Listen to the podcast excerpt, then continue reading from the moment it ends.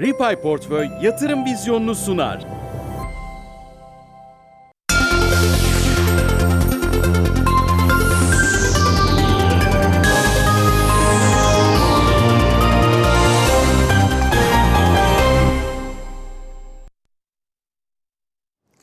Yatırım Vizyonu'ndan herkese tekrar merhaba efendim. Ben Gözde Kuyumcu. Bugün kimi ağırlayacağız? Kolendi kurucu ortağı ve CEO'su Bülent Tekmen bizlerle. Hoş geldiniz yayına. Merhaba, hoş bulduk. Çok teşekkür ediyorum. Şimdi yatırım vizyonunda özellikle tabii e, bu senenin trendlerini konuşuyoruz. Hem e, işte fonlar anlamında hem de e, yeni girişimler ciddi anlamda büyümeler gösteriyor. Özellikle sizin gibi. Şimdi tabii biraz Kolendi'yi tanımak isteriz ilk etapta.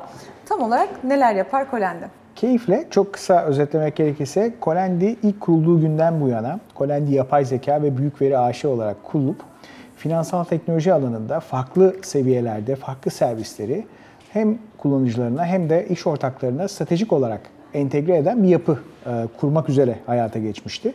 Geldiğimiz noktada yaklaşık e, 18 milyon kullanıcıya hizmet veren Colendi Sigorta, Colendi'nin e, iştiraklerinden e, MoneyPay elektronik para e, Migros'la ortak olan yapımız e, üzerinden farklı servislerle, Colendi menkul değerlerle aracı kurum hizmetlerini Turkcell'in iştiraki Paysel'le birlikte, e, Colendi'nin yeni aldığı hatta çok yakın zamanda hazırlıklarımızı tamamlayıp inşallah faaliyet içine geçeceğimiz Colendi Dijital Bankacılık servisiyle, Colendi Dijital Banka'yla farklı yerlere taşımak ve Türkiye'den çıkan, global ölçekte fark yaratan bir dijital finansal servisler platformu olmayı hayal ediyor.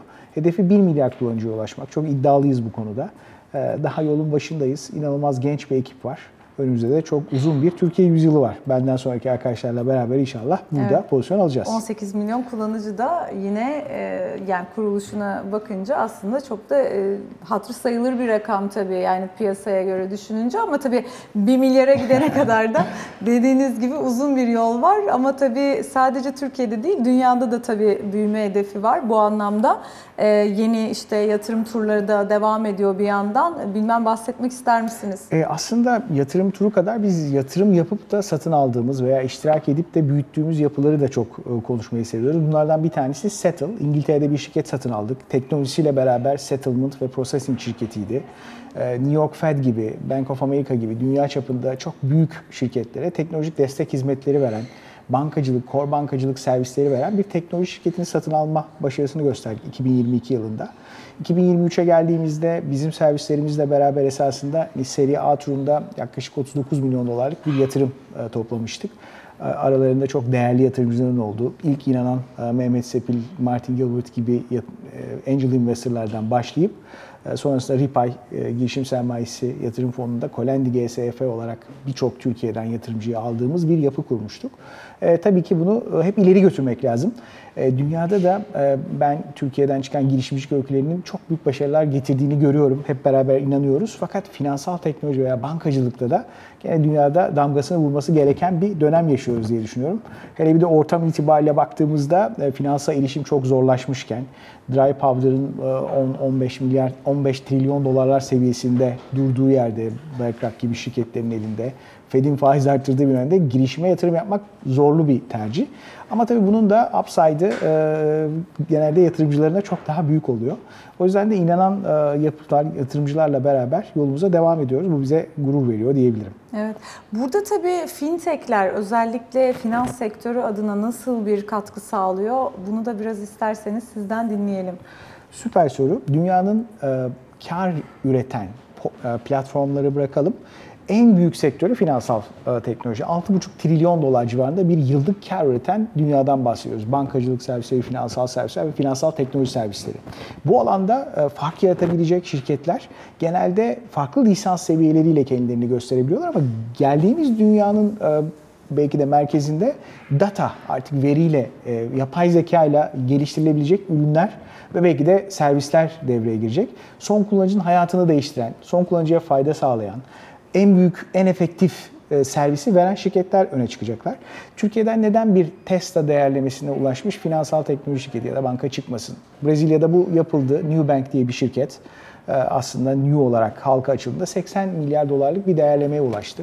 Brezilya ile Türkiye'yi benchmark alabilirsiniz çok rahatlıkla. Nüfusları bizden fazla olsa da sovereign default'u asla olmayan bir Türkiye ile benchmark kabul edilemeyecek bir marketten bahsediyoruz. Bugün itibariyle 85-90 milyonluk bir nüfusa çok rahatlıkla servis verebildiğiniz, farklı seviyelerde hayatlarına e, fark yaratabileceğiniz insan seviyesi e, çok daha yüksek bir coğrafyaya, Middle East ve hatta hatta e, Orta Asya'ya doğru gidersek eğer 1 milyar kullanıcıya çok rahatlıkla erişebilecek bir ekosistemden bahsediyoruz. Ben o yüzden de burada geliştirdiğimiz teknolojiler, bana sorarsanız dünyanın en iyi bankacılık altyapıları bizim bankalarımızda var. En iyi teknolojileri bizim teknoloji e, üreten şirketlerimizde var. Fark yaratmamız lazım. Buradan e, daha ileriye götürmemiz ve bu teknolojilerin hepsinde dünya markaları çıkartmamız lazım. Biz Kolende olarak buraya kendimizi pozisyonladık. E, çok doğru e, yatırımcılarımız var. İnanılmaz bir ekibimiz var. Çok doğru transferler yaptık son dönemde. İnşallah önümüzdeki dönem bizim için çok kritik. Yeni unicornlar, dekakornlar değil mi? Hani hepsi olsun. Türkiye için Özellikle önemli. fintech'ten neden e, çıkmasın ki? Yani fintech alanında dediğiniz gibi hani Türkiye'nin güçlü karnı. E, Bankalar o teknolojik dönüşümleri çok hızlı sağladı ama fintech kuruluşları da o tarafa doğru aslında bir e, yönleniş de yaptı. Şimdi aslında ilk dijital banka lisansı alma ünvanı da önemli. Onu biraz anlatır mısınız bize o hikayeyi? Şimdi Türkiye bankacılık sektöründe bence dünyanın önde gelen, fark yaratabilen, regülatörüyle, teknolojisiyle, bankalarıyla farklı bir e, lige, e, süper liginde olduğunu çok rahatlıkla söyleyebiliriz. Böyle bir yerde tabii ki o lisansa başvurmak bile çok ciddi bir background gerektiriyor. Yani bankacılık dünyanın en zor e, teknolojik regülasyon ve aynı zamanda yatırım ihtiyacı olan bir yapısı. Artık fintech dediğimizde startup'tan çıkıp o sektörde bir e, kendine alan tanımlayan, fark yaratıp milyarlarca dolar değer yaratıp belki de trilyonlarca dolarlık bir ekonomiye e, hizmet veren yapılar kurmak gerekiyor. Biz e, Kolende olarak ekosistemimizde çok stratejik ortaklarımız, çok stratejik partnerlerimiz ve paydaşlarımızla beraber büyütüyoruz esasında. Kimseyle bir rekabetimiz yok Türkiye özelinde konuşursak eğer. Fakat stratejik pozisyonumuz itibariyle biz buradan çıkıp muhakkak ve muhakkak global ölçekte de bunları başarmak zorundayız. İddiamız bu. Evet şimdi biraz yatırım turlarından bahsedelim. Yani şimdi nerede başladı, nasıl başladı, neredeyiz, hangi evredeyiz? Özellikle hani ilk başlangıç aşaması biraz hikayeleştirmek de güzel oluyor. Çünkü hani Türkiye'de çok fazla bu anlamda e, girişimci var. E, gençler özellikle çok fazla tabii bu alanlara ilgi duyuyor. Teknoloji tarafında hani yatırımlar ama yatırım almak da çok kolay değil. Biraz böyle hikayenizi anlatır mısınız o anlamda? Tabii e, yani kritik bir nokta var. Ben şu anda 30. yılımı e, esasında devirdim diyebilirim girişimcilikte. Üniversitede e, Yıldız Teknik Endüstri Mühendisliğinden mezun olduktan sonra da sadece sadece girişimlerde çalıştım. E, Mekanis diye bir şirketi Intli Zomato'ya satmıştık. Ininal diye Türkiye'nin ilk elektronik para şirketini Fransız Çek Teknoloji grubuna satmıştık, App gruba. E, Kolende'de aldığımız yatırımcılara baktığımızda cap table'ımızda Citibank'ten Ripa'ya, Migros'tan e, Mehmet Sepil'e, e, Martin Gilbert'e kadar uçtan uca çok ciddi bir ekosistem toplayabildik. Tabii buraya gelebilmek için belki de binli sayıda görüşme yapıp bunların %95'inden hayır almanız gerekiyor. Neden yatırım yapalım ki? Neden e, sizin bölgenize yatırım yapalım? Neden sizin şirketinize yatırım yapalım? Neden şimdi yatırım yapalım? Sorularının cevapları Her hayırdan sonra da değil mi moral bozmadan da devam Hiç. etmek. O motivasyon da çok zor bir şey bu arada. E, bence girişimcilerin ortak özelliği zaten pes etmemek. Hani baktığımızda başarılı olmuş girişimler ve girişimcilerin en büyük özelliği o. E, ben Türkiye'nin de girişimcilik ruhu olarak e, dünyadaki en agresif e, ekosistem ve paydaşlarıyla beraber girişimcilere sahip olduğunu düşünüyorum. Bu büyük avantaj. Buradan değer yaratabilmek. Bence çok başarılı iş adamlarımız var. iş adamları slash girişimcilerimiz var. Bunlara baktığımızda buradan daha yaratılacak çok değer olduğuna inanıyorum. Türkiye'nin de gerçekten bölgede belki de 1 trilyon dolarlık yatırım çekebilecek önümüzdeki 10 yılı söylüyorum tabii ki. e, En değerli ekosistemlerden biri olduğuna gönülden inanıyorum ve şu anda tersine beyin göçünü yaşadığımız ve yaşayacağımız bir dönem olacağına da inanıyorum. Kolay bir süreç değil kesinlikle ama dünyanın her yerinde farklı dertler var. Biz derdi e, kendimize genelde çok fazlasıyla özdeşleştiriyoruz ve orada bir şekilde kendimize e, kızmamız gerekiyor. Onun yerine çalışmamız lazım. Kızmaktan çok çalışmak gereken bir dönemdeyiz. Ben e, Fed'in fiya- faiz arttırımına veya e, paranın piyasadan çekmesine yapacak hiçbir şeyim yok. Bu dönem itibariyle fintech valuation'ların düşmesine veya yatırımcıların ilgisinin azalmasına yapacak bir şeyimiz yok. İşimizi daha iyi yapıp daha iyi işler çıkartıp daha çok para kazandırabilecek ve ekonomiye katkı sağlayabilecek ürünler çıkartmamız lazım. Amerika'da bile değil mi dediğiniz gibi yani ne kadar zor dönemler işte özellikle Silikon Vadisi'ni fonlayan bankaların battığı dönemler vesaire gördük. Çok da uzun zaman değil yani hani bundan bilmiyorum işte birkaç ay önce diyelim kabaca. Kesinlikle öyle. Geçtiğimiz yıl Ee, ve dolayısıyla da hani habitat da çok e, zorlu bir e, şartta aslında ki siz Türkiye koşullarında hani dediğiniz gibi yatırımcı bulmaya çalışıyorsunuz ama demek ki yabancı ilgisi de var yani aslında onun altını çizmek gerekiyor bence kıymetli. çok önemli bir noktaya değindiniz. Yabancı ilgisi artarak devam edeceğini görüyoruz. Hani bizim e, son dönemdeki e, şimdi seri B turumuzu kapatmak üzereyiz. Hani e, sadece sadece iç- içerideki yatırımcılarımızla tamamlıyoruz ama biz aynı zamanda paralelde birçok yeni yatırımcıyla görüşüyoruz. Onların ilgisinin ne noktada olduğunu gördüğümde çok mutluluk verici bir dönem gelecek. Biraz zor bir viraj var. Evet bu virajı alacağız. Bu virajdan sonrası çok önemli. E, kritik bir tane konu var bence hani e, hiçbir zaman pes etmemekle ilgili. E, bu değer yaratılacaksa eğer önce çok çalışarak, gerçekten iyi ürünler çıkartarak, fark yaratarak o teknolojiyi de bir şekilde ispat ederek çıkıyor. Biz Türk girişimcileri hani harika şirketlerimiz var. Trendyol, Getir, Peak Games, Başarı Öyküleri, Yemek Sepeti. Bunların hepsi birbirinden değerli şirketlerdi ve hala da değerliler. Fakat çıkış yapmaktan çok biz Amazon'un esasında baktığımızda hikayesine 99.98 değeri yani %99.98 değerini IPO sonrasında elde ettiğini göreceksiniz. Paul Graham'ın çok güzel bir tweet'i var. Yani bizim IPO esasında bir son nokta hedefi olmaması lazım. Tam tersi o bir başlangıç noktası olması lazım. O Değil mi? Sanki biraz öyle bir algı var yani hani büyütelim ondan sonra halk arz edelim de sanki orada duracakmışız gibi. biz o, O bir yaşandı da birkaç özellikle. Bence de bu kötü bir Evet, bence tat. Hani bizim imajımız itibariyle de ben baktığımda e, en önemli şey bunun bir leadership ekosistemiyle beraber gelişmesi gerektiğini ve o takımın benden sonraki arkadaşların belki benden daha iyi yerlere taşıyacağını bilmek lazım. Ve ben hani hakikaten e, o hikayelerden Türkiye'de çok olacağını düşünüyorum. Çünkü çok iyi girişimcilerle hep beraber sohbet ediyoruz. Evet. Çok iyi girişimler, girişimciler ve öyküler duyacağız önümüzdeki 10 yılda. Biraz sanki şartlar da daha elverişli hale gelecek gibi. Bu hep Katılır cycle. mısınız? Katılırım. Evet. Ya bu cycle'larda biliyorsunuz hani evet ups and downs yani hem düşüyor hem yükseliyor. E, Ray Dalio'nun söylediği gibi bu cycle'larda doğru pozisyonu almak gerekiyor. Bizim gibi girişimcilerin doğru yatırımcıları yanına almak gibi bir önemli misyonu var. E, Bizim de hedefimiz bundan sonrası için Türkiye'ye bu değeri yaratmak. Çünkü gerçekten Türk mühendisleri, Türk girişimcileri e, çok büyük değer yaratmaya muktedir. Bunu da yapanlardan biri olacağız inşallah. İşin ripayla olan kısmında neler var? Çünkü girişim sermayesi fonunu burada, yatırım fonlarını burada daha önce konuşmuştuk Emre Bey'le de. Ee, ne yapıyorsunuz şu anda? E, Ripple bizim ilk e, institutional investor olarak ilk imzalı e, taahhüdü veren e, değerli yatırımcımız. Bizim için çok önemliler.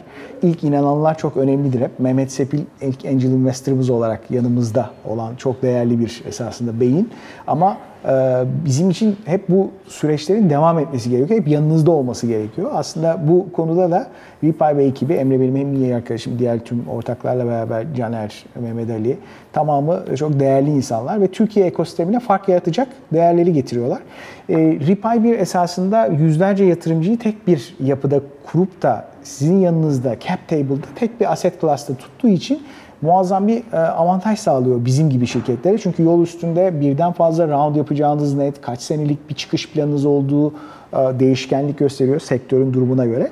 O yüzden bizce hani Türkiye için çok önemli. Zaten getirden sonra Colendi GSF'yi e, hani e, kendileri de sağ olsunlar bize destek olarak çok önermişlerdi ve çok memnunuz o manada. Çok daha büyük fırsatlar olacağını düşünüyoruz. Şimdi bir çatı altında yani bir girişimin altında hani işte bahsettik ya böyle menkul değerler biraz işin dijital bankacılık kısmı bunların hepsinin bir arada olması ekosistem anlamında ne ifade ediyor mesela? Hani biraz oradaki bize sinerjiyi anlatır mısınız? Tabii orada kritik bir nokta var. Yani fintech e, çok e, kullanıldığı zaman güzel dursa da para kazanması en zor sektörlerden bir tanesi. Para kazanabilmeniz için işinizi çok iyi yapıp, çok doğru metriklerle ölçüp e, çok da doğru bir teknoloji kullanmanız lazım. Rekabet var diye mi yoksa hani iş modeli itibariyle, iş modeli iş modeli itibariyle. itibariyle çünkü siz bir transaction yapıldığında 100 liralık bir işlem Evet. yapıldığında onun komisyonunun maliyetini düştükten sonraki bir penisini e, alıyorsunuz baktığınızda. Bankalar var. Bankalar burada büyük esasında altyapı sağlayıcıları. Dolayısıyla programlanabilir para dediğimiz bizim yapıda paranın el değiştirmesi, akışı esnasındaki hareketlerin çok ötesinde bir e, birikim gerekiyor. O yüzden bütün servisleri eğer siz sağlayabilecek duruma gelirseniz o zaman ancak rekabet edebilir noktaya geliyorsunuz. O yüzden fintech noktası geçtiğimiz 5 sene 10 seneye baktığımızda birden fazla fazla evrildi. Ee, biz e, bir tekmeyi 10 bin kere çalışmaya çok inanıyoruz. Yani 10 bin saatlik bir bilgi birikimiyle nasıl ki bir konuda uzmanlık sağlanabiliyor. Biz finansal teknoloji alanında öyle bir takım kurduk. Ve bunu gördüğümüzde de esasında bu lisanslar bir ihtiyaç. Hani maalesef e, isteseniz de istemeseniz de almanız lazım. Çünkü doğru kar realizasyonu için, doğru servisleri, doğru hizmet maliyetleriyle verebilmeniz için biz bugün 100 liralık Tesla hissesi satabildiğimiz gibi parçalı hisse senedi. e, Belki de yarın e, Türk Hava Yolları gibi çok devasa şirketlerin zaten e, GDR'ları, ADR'ları olabiliyor Amerikan borsasında. Biz farklı hisselerimizi yurt dışındaki şirketlerin içine API ile verebilecek bir altyapı hazırladık. Seküritizasyon teknikleri ve teknolojileri üzerine uzmanlaştık. Şimdi bu altyapı işi ve bunu ancak belli bir süre geliştirdikten sonra e, işe başlayabiliyorsunuz. Bunların maliyetleri çok yüksek. Teknoloji e, insan yani insan kaynağı buradaki en kritik konu oluyor hep ve o mühendisleri, o teknoloji ekibini bir arada tutmak, o ekiple birlikte bir yere gitmek e, genelde yolun en zorlu virajları oluyor. Şu anda iyi bir takım, iyi bir liderlik, iyi bir governance yapısı kurduktan sonra da girişimcinin tek hedefi olmalı. Bu işi daha büyük ülkeyi sınırları aşıp global ölçekte nerelere götürebilirim hedefi olmalı. Biz inşallah bunları yavaş yavaş e, sizlerle paylaşıyor olacağız. Şimdi globalde de tabii büyük bir oyuncu olmak bu anlamda yanınıza işte yabancı sermayeyi çekip bu şekilde bir büyüme profili de aslında Türkiye adına da yani az önce biraz bahsettiniz ama hani finans sektörü için de çok manalı.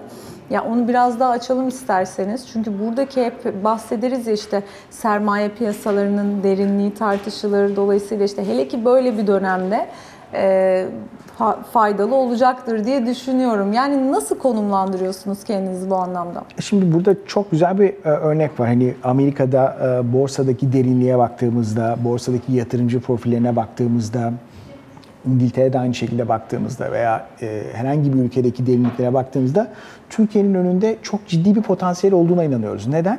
E, ya bir bizim tarafta baktığımızda gerçekten ilk 10 ekonominin içinde yer alabilecek bir PPP, Purchase Power Parity ile IMF'in datasıyla konuştuğumuzda bir potansiyeli var. Brezilya, Endonezya, Türkiye diye baktığımızda bu sıralama içinde gerçekten e, dünyanın belki de en çok yatırım çekmesi e, imkanı olan ülkelerinden bir tanesi ve şu anki baktığımız jeopolitik e, öneminin de ortaya çıktığı yani yu- yukarıda Ukrayna, aşağıda İsrail, öbür tarafta Çin, Tayvan durumu. E, Türkiye'den çıkacak olan asetlerin hepsinin çok daha değerli olacağına inanıyorum ben. Bu bir geçiş dönemi. Evet çok zor bir dönemden geçiriyor olabilir paranın kısıtlı olduğu. Ama iyi şirketlere, doğru yapıda olmuş şirketler her zaman paraya akses olacak. Farklı kanallardan olacak, farklı yapılardan olacak. O yüzden de sermaye piyasalarının derinliği çok önemli olacağına inanıyorum.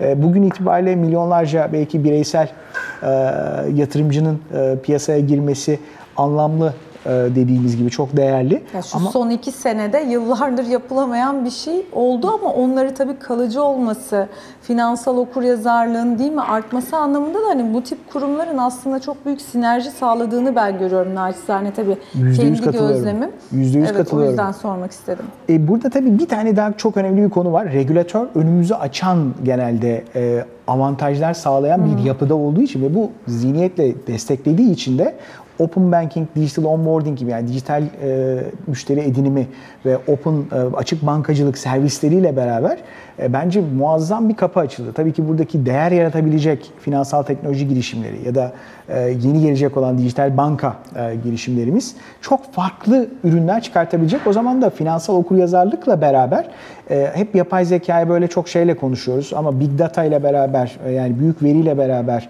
e, doğru makine öğrenme teknikleriyle, doğru yapay zeka ile bir co-pilot gibi bir ya- yardımcı esasında size olabilecek bir finansal asistan gibi konumladığınızda yeni dünya çok daha farklı olacak. Yani size doğru yapıyı önerebilecek metriklerle beraber de destek olabilecek destek sistemleri gelecek.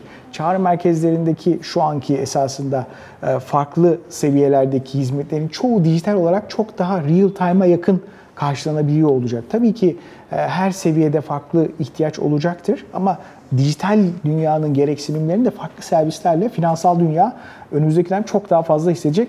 Sağ olsun regülatörlerimiz diyelim. Şimdi farklı servisler deyince hakikaten böylesi dönemlerde de yani paraya erişimin daha maliyetli olduğu ya da kısıtlı olduğu dönemlerde de aslında çok önemli bir görevi de üstleniyor. Ee, özellikle mesela son dönemde benim çok duyduğum işte şimdi al sonra öde gibi değil mi avantajlı durumlar da olabiliyor. Çok hızlı da adapte oluyorsunuz bu arada. Ee, yaratıcı zeka mı diyelim? Ya bizim e, Türk esasında hani e, mühendislik veya Türk ürün yöneticiliği e, ekosistemi inanılmaz bu konularda e, yaratıcı. Fark yaratabilecek ürünleri sihir gibi kullanılabilecek hale getiriyor. Yani nasıl ki dünyada Uber e, o ödeme sistemini içeriye entegre ettiğinde 2012 yılında o, o frictionless veya sürtünmesiz ödeme sistemi sayesinde inanılmaz bir başarı e, hikayesi yaratıldı. Bizim yarattığımız hazır limit şimdi al sonra öde e, ürünleri de esasında bizim ekibimizin başarısıdır.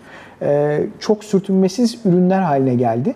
Buradaki tabii ki en önemli şey fraud'u detect edebilme. Yani esasında elinizde büyük veri olmazsa onun bir fraud mu, kötü niyetli mi olup olmadığını bilmemek veya kredi skorlamasını real time yapabilmek. Sadece sadece KKB datasıyla e, bir skor vermek de mümkün ama biraz daha geniş yelpazede baktığımızda dünyada da e, finansal ürünlerin e, bir şekilde demokratize edilmesi ve farklı finansal ürünleri, enstrümanları son kullanıcılara sunmak için bu yapıların çok daha gelişmiş olması gerekiyor. Biz oradaki esasında kendi farkımızı yaratmaya başladık diyebilirim. Yolunuz açık olsun diyelim o zaman. teşekkürler. inşallah böyle Türkiye'nin de dekokornları, unicornları artsın. Özellikle fintech'te de neden olmasın çok güçlü ekipler var çünkü. Ee, sizin gibi çok teşekkür ediyorum. Çok teşekkürler. Bülent Ekmen geldiğiniz için Kolendi kurucu ortağı ve CEO'su bizlerle de efendim yatırım vizyonunu noktalıyoruz. Hoşçakalın.